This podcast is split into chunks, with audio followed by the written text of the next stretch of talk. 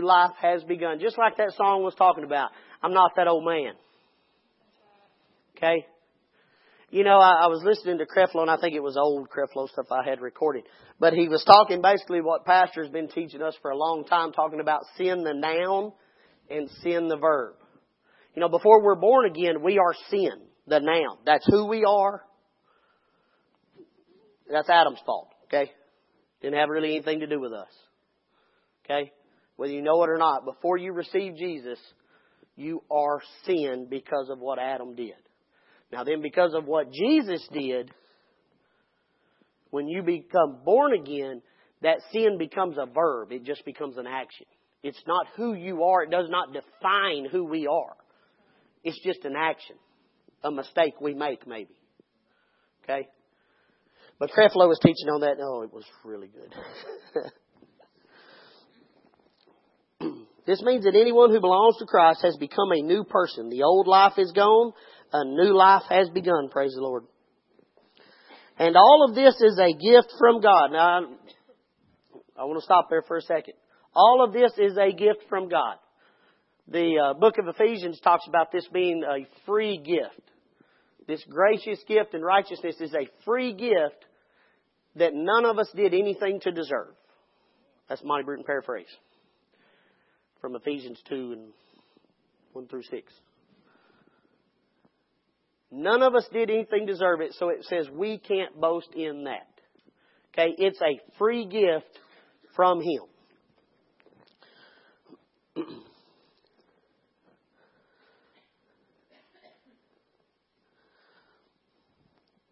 And all of this is a gift from God who brought us back to Himself through Christ. And God has given us the task of reconciling people to Him. For God was in Christ reconciling the world to Himself, no longer counting people's sins against them. And He gave us this wonderful message of reconciliation. Now I want you to understand the word reconciliation, one of the versions I was reading yesterday said it that way, means return to favor. This word, our message of reconciliation, is just to tell people they're returned to favor. They're still in God's favor. That's what we tell people. The Bible says it's the goodness of God that leads people to repentance. It's not telling them what they do wrong. Okay? But our job is to return people to His favor. so we are Christ's ambassadors. God is making His appeal through us. We speak for Christ when we plead, come back to God.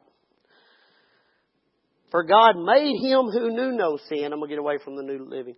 He made him who knew no sin to be sin for us, that we might become the righteousness of God in Christ Jesus. I don't like the way that one says it exactly, okay? He made him who knew no sin to be sin, the noun, not the verb. He made Jesus, who knew, did not know what sin was, to be sin the noun so that we could become the righteousness, the noun, in Christ. He made him to be that complete and total package that Adam made us to be when he sinned. The noun part, so that we could simply be part of him and in fellowship with him. He made him who knew no sin to be sin for us that we could be the righteousness of God in Christ. Now, the word righteousness, I'm going to go over my meanings. Most of you know them. Righteousness is the ability to stand before the Father without the feeling of guilt, condemnation, or inferiority, as if sin never existed. Now, listen to this one. Righteousness. We are the righteousness of Christ in, of God in Christ. The definition is He who is as he should be. He who is as he should be. Not he who is trying to be this, he who is, you know, trying to make it to that point.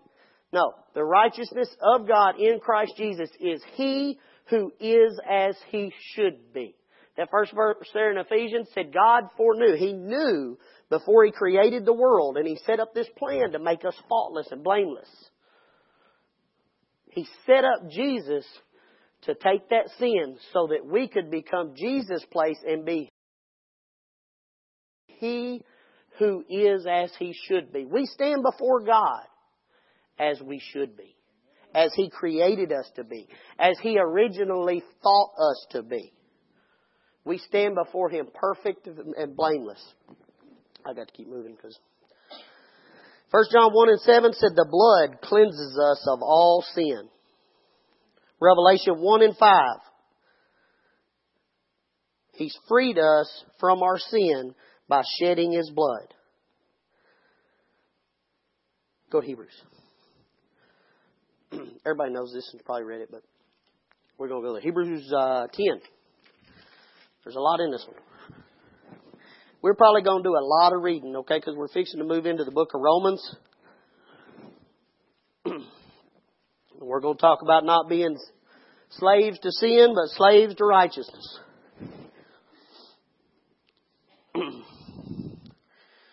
um, where do I want to start?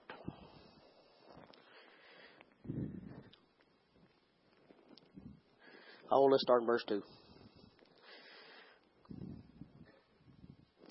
It's talking about the sacrifices. It says, if they could have provided perfect cleansing, the sacrifices would have stopped for the worshippers, uh, for the worshippers would have been purified once for all time.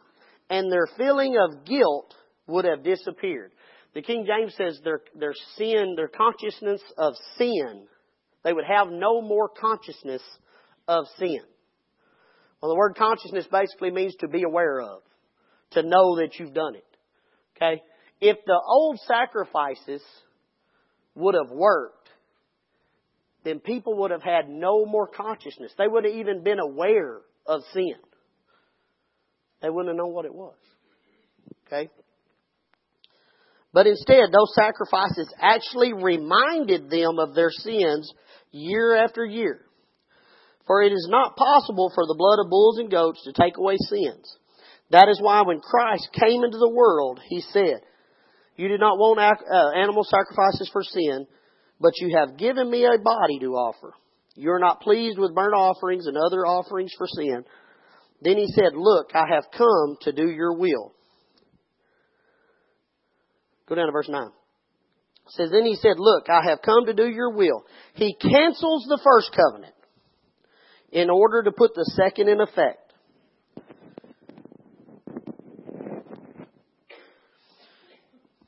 For God, uh, God's will for us to be made holy by the sacrifice of the body of Jesus Christ once for all time.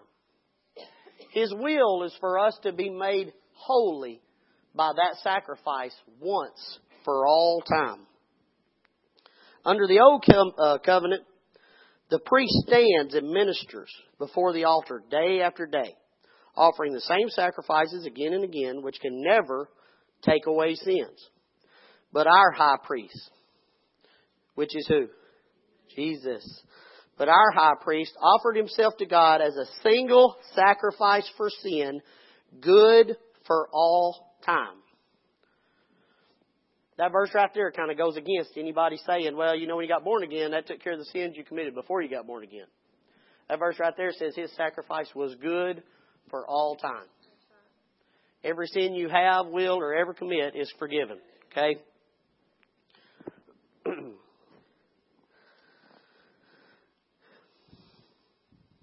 he sat down in the place of honor at God's right hand.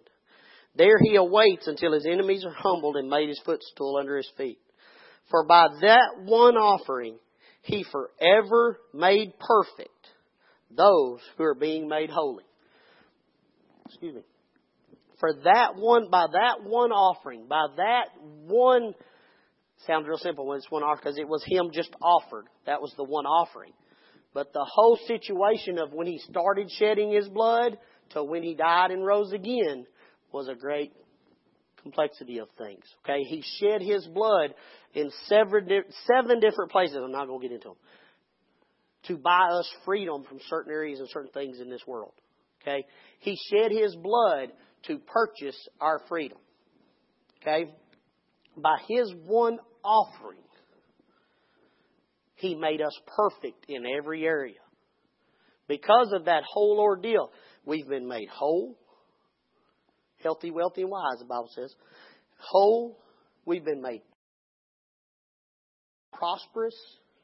We've been given dominion. Okay?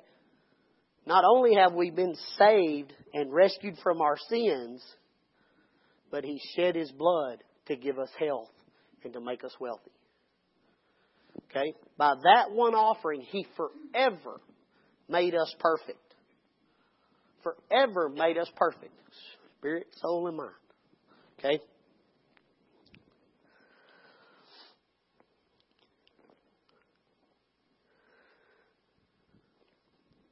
16 says, And this is the new covenant I will make with my people on this day, says the Lord. I will put my laws in their hearts and I will write them in their minds. Then he says, I will never again remember their sins or their lawless deeds. See, we said any, anything that's not of faith is sin.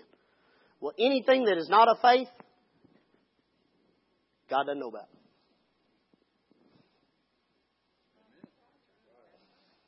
I just read what that read. He forever perfected us. He says, I'll never again remember their sins or their lawless deeds.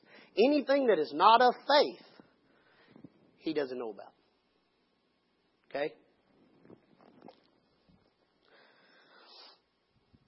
That verse there said that Jesus was seated in the place of honor at the right hand of God. Ephesians 2 6 said, We've been raised and seated with him in heavenly places. That same place. Okay?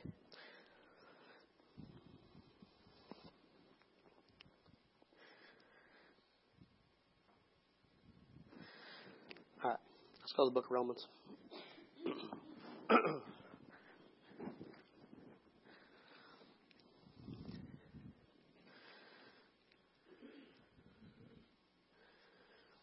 Wednesday night we talked about faith. We talked about faith through grace.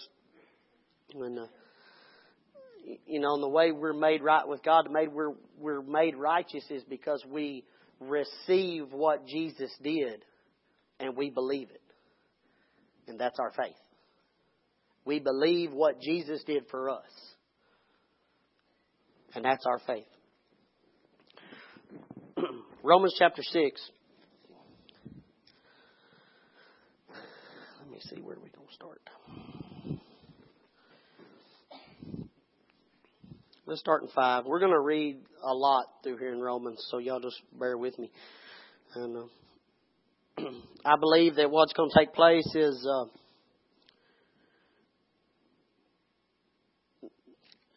the Holy Spirit's going to minister to you through this reading like it did to me.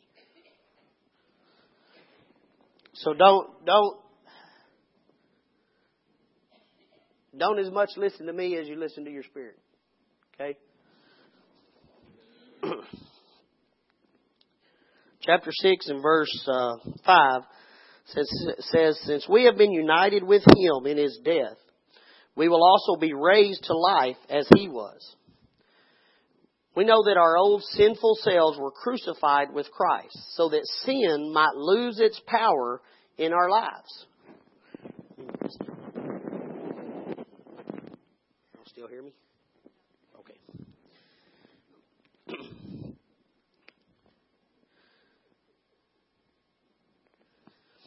The next part says, We are no longer slaves to sin.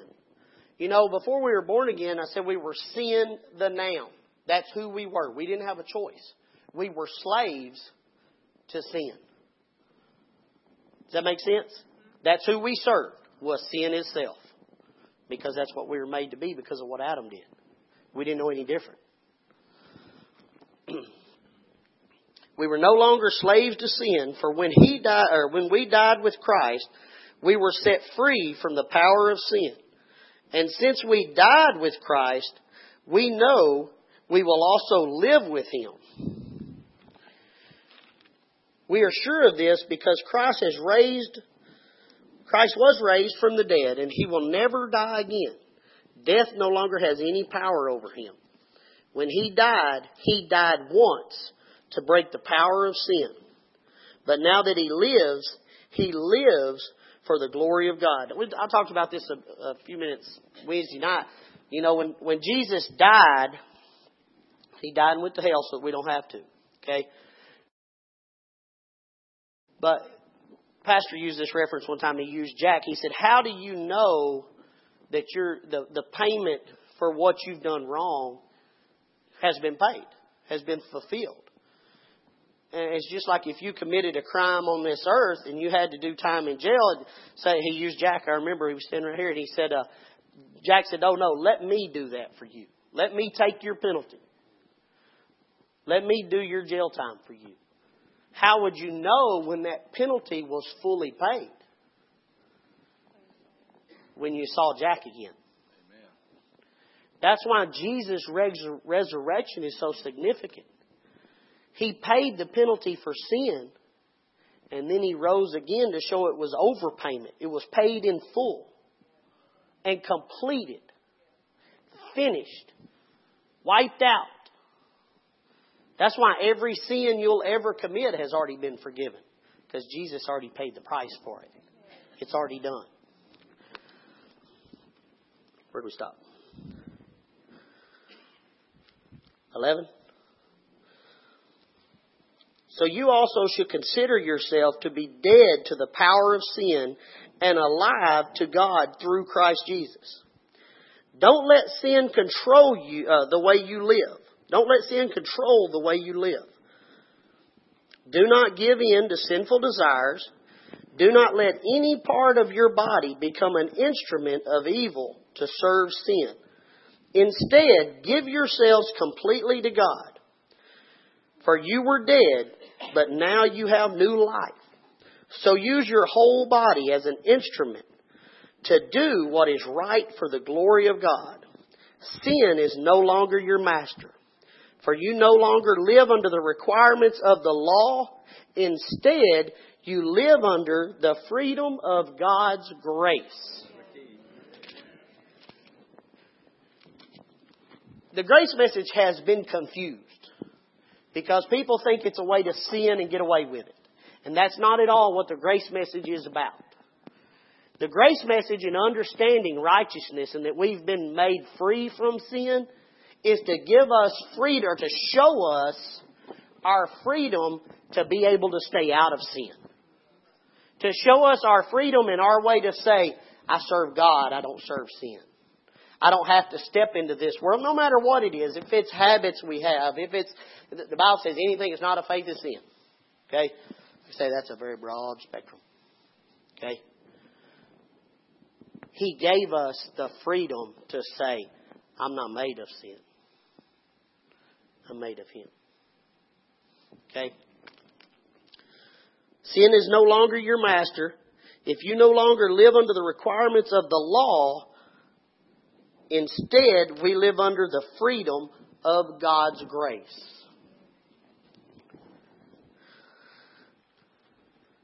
Well then, since God's grace has set us free from the law, does that mean we can go and uh, or go on sinning? Of course not. Don't you realize that you become a slave of whatever you choose to obey? You can be a slave to sin, which leads to death, or you can choose to obey God, which leads to righteous living. Now I want you to understand that says you're a slave to whatever you choose to obey. Jesus paid for our freedom to be free from sin. Doesn't mean we don't ever make mistakes. It means the continuously the continuous problems that we have, He's already bought our freedom from it. Like I said, the bad habits, the character traits, the things we don't like about ourselves. He's paid for us to be free from it. It's already been done. It says you choose, you will serve who you choose to obey. You can be a slave to sin, which leads to death. The Bible says, right there, sin, when brought to completion, leads to death.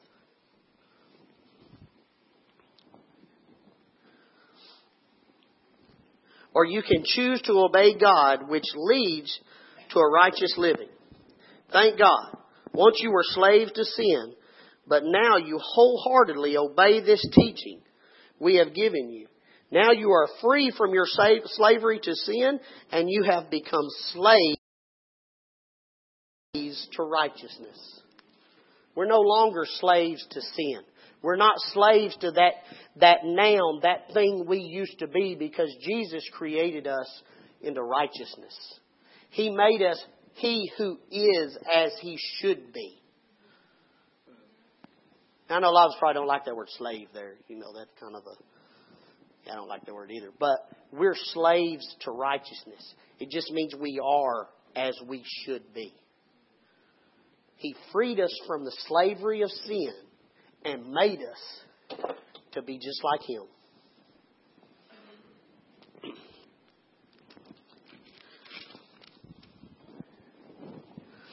Let's go to chapter 7. We'll go to verse 14. This is Paul talking, and I, pastor's probably read it before, but we're gonna we're gonna go there and read it again. And it's showing Paul's struggle with sin is what it is.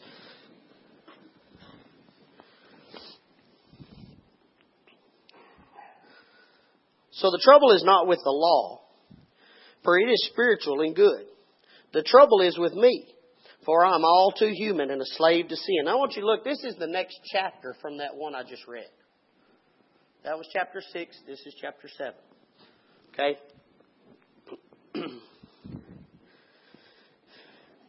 I don't really understand myself, for what I want to do is right, but I don't do it. Instead, I do what I hate.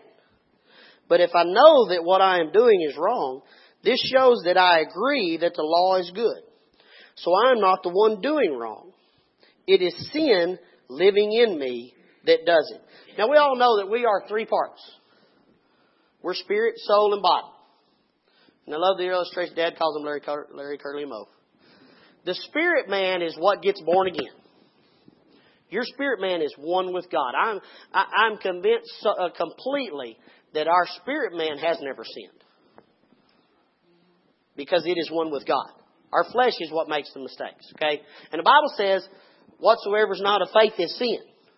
So if that is true, then us being us, us being Christians, being righteous people, he who is as he should be, if we're sick, that's sin. Well, sorry, that, that's that's not faith, right? He took stripes on his back for our healing. Okay, now there's no. We'll get on to that in a minute, but I'm just saying.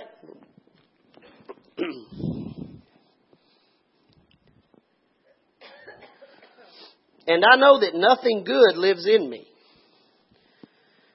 That is in my sinful nature. I want to do what is right, but I can't. I want to do what is good, but I don't. I don't want to do what is wrong, but I do it anyway. But if I do what I don't want to do, I'm not really the one doing wrong. It is sin living in me that does it. Now again, spirit, soul, and body. Our spirit man is who we are. Our flesh is what we live in. Okay? Again, spirit man perfect. Flesh kind of sometimes you got to do what you got to crucify the flesh. The Bible says. Okay.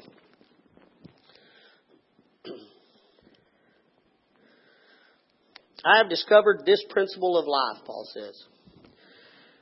That when I want to do what is right, I inevitably do what is wrong. I love God's law with all my heart. But there is another power within me that is at war with my mind. He said, I love God's law. Now, the book of Hebrews says, uh, I'll write my laws on their heart. Right? Is that what it says? We don't have to remember like God's laws like the Ten Commandments because He writes His laws on our heart. And Paul says there, I love God's law. Well, that's his spirit man. He loves what is right. He loves what God loves. He loves what is right.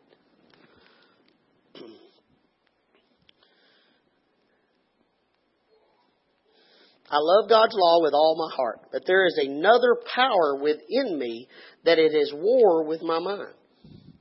This power makes me a slave to sin that is still within me. Oh, what a miserable person I am.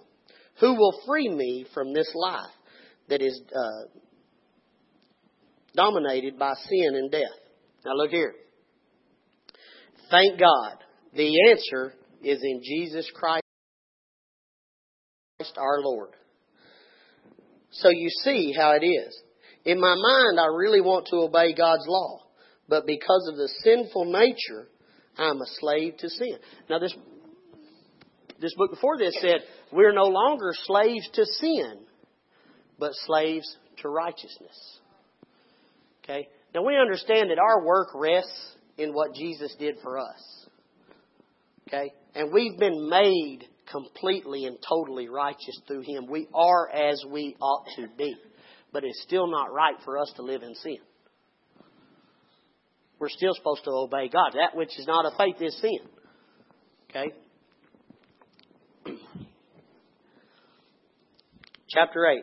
There is so now there is no condemnation for those who belong to Christ Jesus. You know, Paul, through that whole ordeal there, what was he doing? He was being condemned. And what was he doing? He was taking away what Jesus had done for him, and he was living by what his sin had done. Okay? He was forgetting what Jesus had done and was living by what he had done. Okay, praise the Lord, we don't have to work ourselves and, and go off our own labors and, and our own actions. We rely on what Jesus did, and He took sin and was made sin to make us as we should be. Okay? And the, verse 8 says, There is therefore now no condemnation to those who belong to Christ Jesus. As we live in condemnation, we were useless in what we do for God. Because all we see is that old man that was a slave to sin. We don't see the men that are slaves to righteousness. And the slave to righteousness is who we are. Okay, doesn't mean we don't make mistakes. We all make mistakes. But we're slaves to righteousness. We're not slaves to that sin. That sin can have no hold on us. Because of what Jesus did, we have the ability and the freedom to say, no, I don't live that way. I am the righteousness of God in Christ Jesus. I have the freedom to say, I'm going to choose to obey God and choose to live for Him. Now, look here. Now there is no condemnation for those who belong to Christ Jesus. And because you belong to Him, listen to this, because you belong to Him, the power of the life-giving Spirit has freed you from the power of sin that leads to death. Because we belong to Him, the power of the life-giving Spirit has completely and totally freed us from the power of sin that leads to death. It has no hold. Okay? The power of sin that leads to death doesn't live in our lives because we're slaves to righteousness. We're not slaves to sin. Our sin cannot take us down that road. Or that sin, the mistakes we make. It's not ours. Cannot take us down that road. We're slaves under righteousness. The power of the life giving Spirit has freed us from the power of sin that leads to death. The law of Moses was unable to save us because of the weakness of our sinful nature.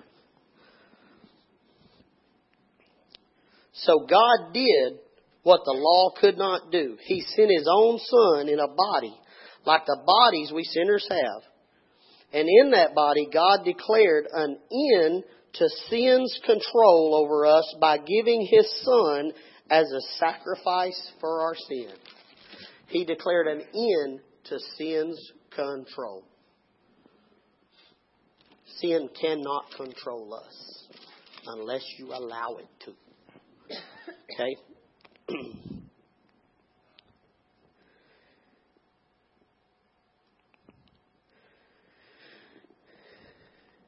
he did this so that the just requirement of the law would be fully satisfied for us, who no longer follow our sinful nature, but instead follow the Spirit. How many know it's right for us to follow our Spirit? We rely on our Spirit each and every day to teach us, to show us, things like that. If you'll follow your Spirit, you'll be surprised where it leads you. Because it's only going to lead you into the blessing and completeness and wholeness. Okay?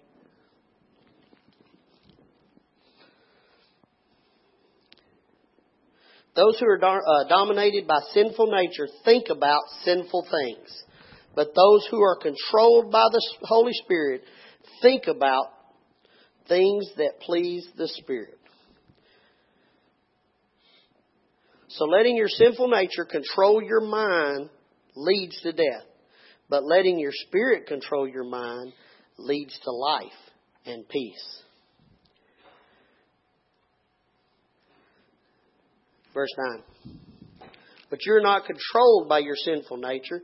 You're controlled by the Spirit if you have the Spirit of God living inside of you. If we're born again, we have the Spirit of God living inside of us. That automatically qualifies us as slaves to righteousness. Again, doesn't mean we don't make mistakes. Our key is to not live in the condemnation of those mistakes and harp on them. Satan always says, look at your sin. God says, look at my son. Satan wants to show you your sin. Because when you keep your eyes on that sin, that's where you're going to go. But when you keep your eyes on the Son, that's where you're going to go. Okay? Anytime we focus on trying not to sin, trying to stay out of the things we don't want to, that's exactly the road we lead down. Our purpose, purpose is to focus on Him. And that's what keeps us out of sin. We don't have to try and work not to sin. We just focus on the Son. Okay?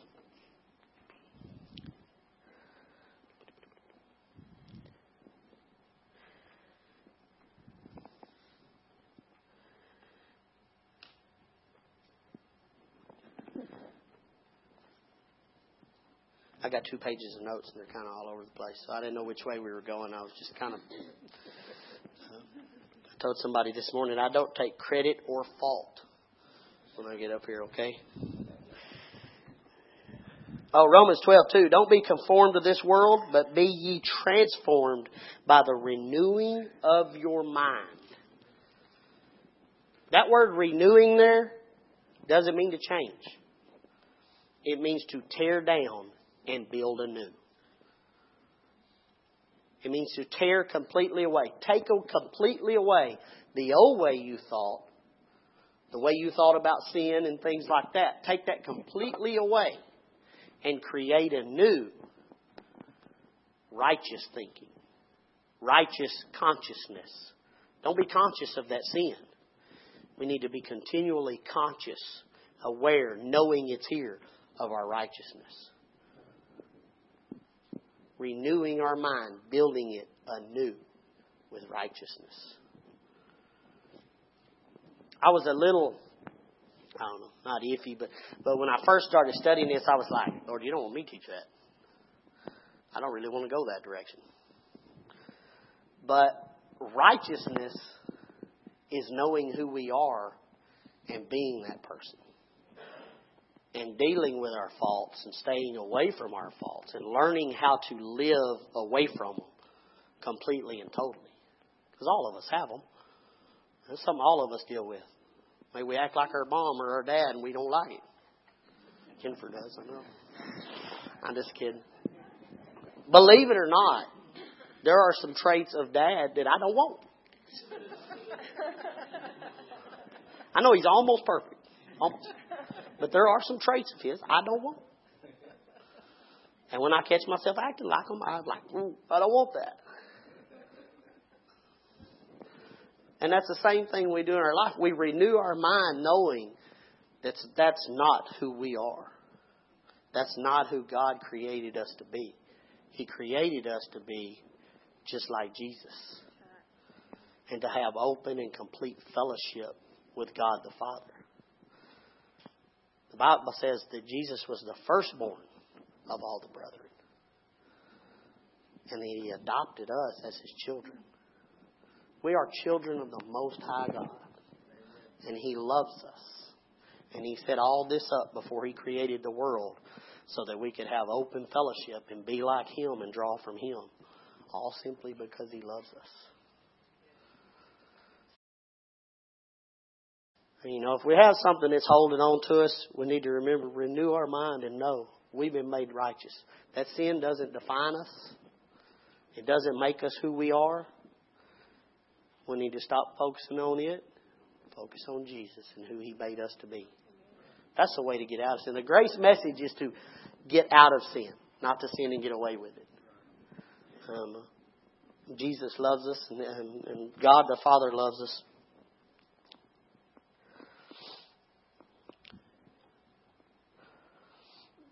I got everything I wanted to.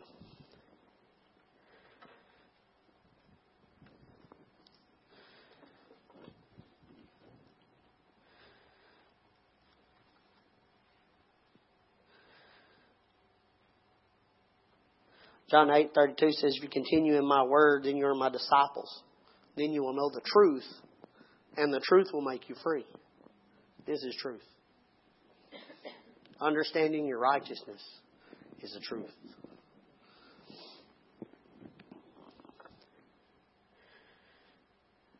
Oh, go to Hebrews 12.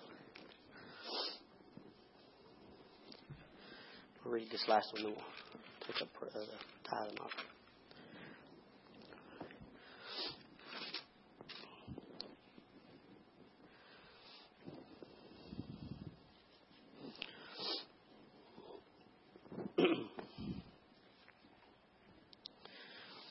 Hebrews 12 and 1.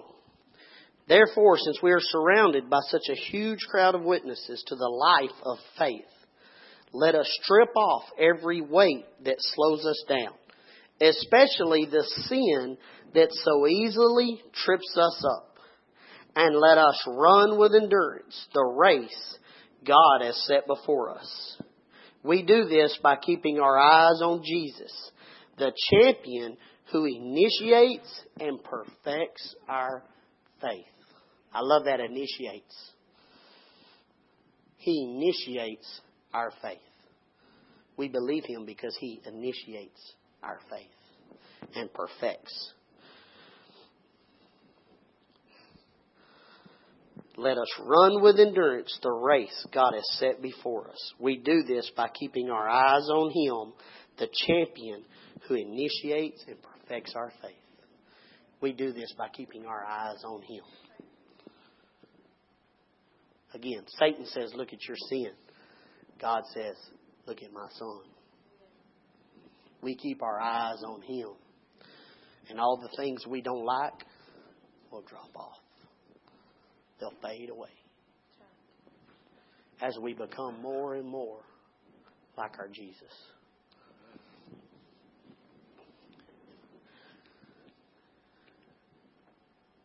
Go to Malachi 3.10. Let's get ready to take up the this morning's tithe and offering. oh,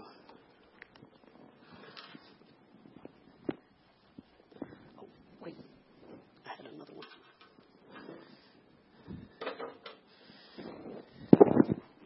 Excuse me. I had another verse I was going to look at.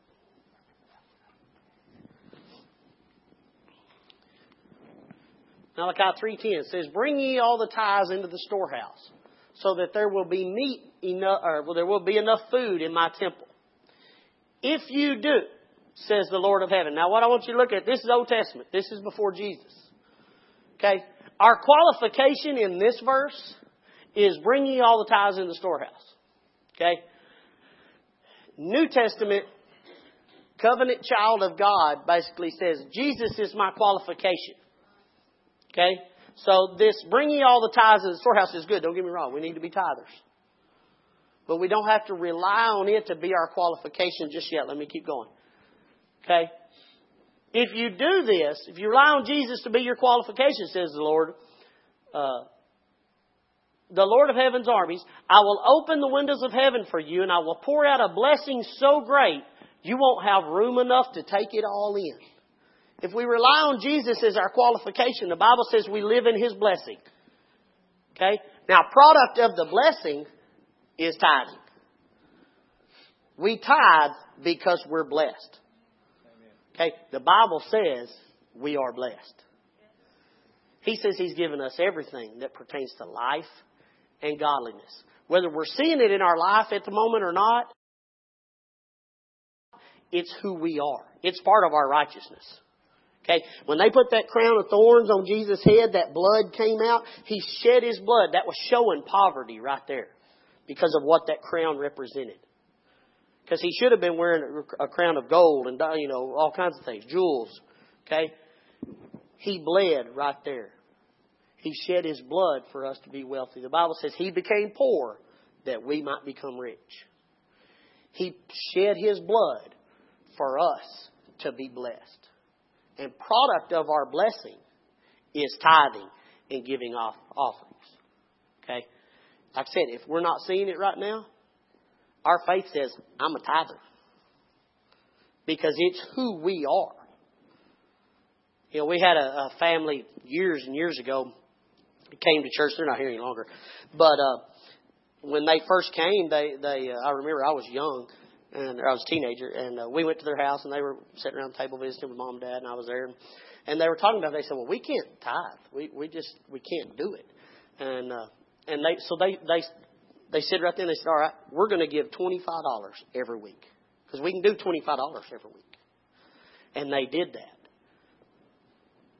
And I know it wasn't long before they were tithers. Well, what was that? That was Jesus, the author and the finisher of their faith. They put that out there in faith, saying, I am a tither. I do live under the blessing. This may be what I got right at the moment, but it's not where I'm at. Okay? We tithe as a product of the blessing. Not to get blessed, but because that's who God made us to be. He made us blessed. He made us prosperous. And again, bring ye all the tithes into the storehouse, so there, there may be food enough in my temple. And I'll open up the windows of heaven unto you and pour you out a blessing that there's not room enough to receive it. I know this is kind of kind of different, but if there's if you're not seeing that bottom part, don't get me wrong, that's not your qualification. Jesus is our qualification. But tithing is a step of faith. Giving is a step of faith. Okay? So know, as you give and as you tithe, whatever it may be, know when you do it, this is a declaration saying, I am the blessed of the Lord. This is the product of the Lord blessing me. You go ahead and get your, uh, if you have your offerings, uh, have your envelopes ready. Let's go ahead and we'll receive. Robbie, you got something?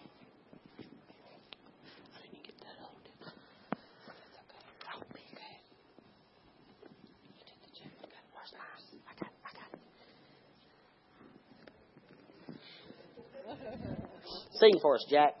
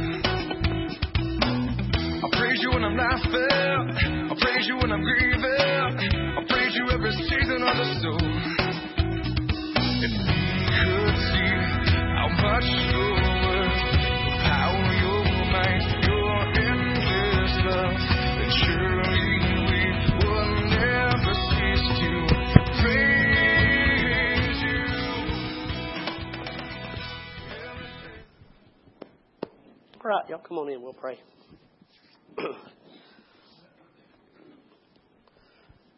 Lord, we do thank you. We praise you for the word that's come here today. First of all, Lord, we thank you for your anointing We thank you for your revelation knowledge, Lord, that it just continue, your word continue to grow and to become alive in each and every one of us, Lord, that the meaning just grow deeper and deeper into us, Lord, and we just thank you. We thank you for the opportunity and the privilege to be tithers, to show that we are your blessed children.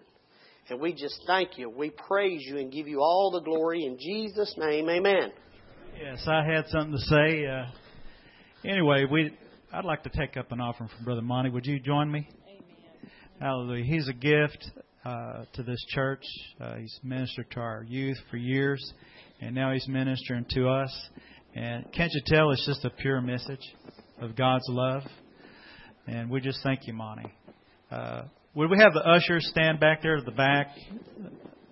And if you would just take uh, your envelope, if it's cash, and put your name on it, and uh, we'll, you'll get receipted for that. If you write a check, just make it out to New Life, and we'll uh, count this up and give it to Brother Monty and seed it into his life. And anyway, uh, we got an usher back here.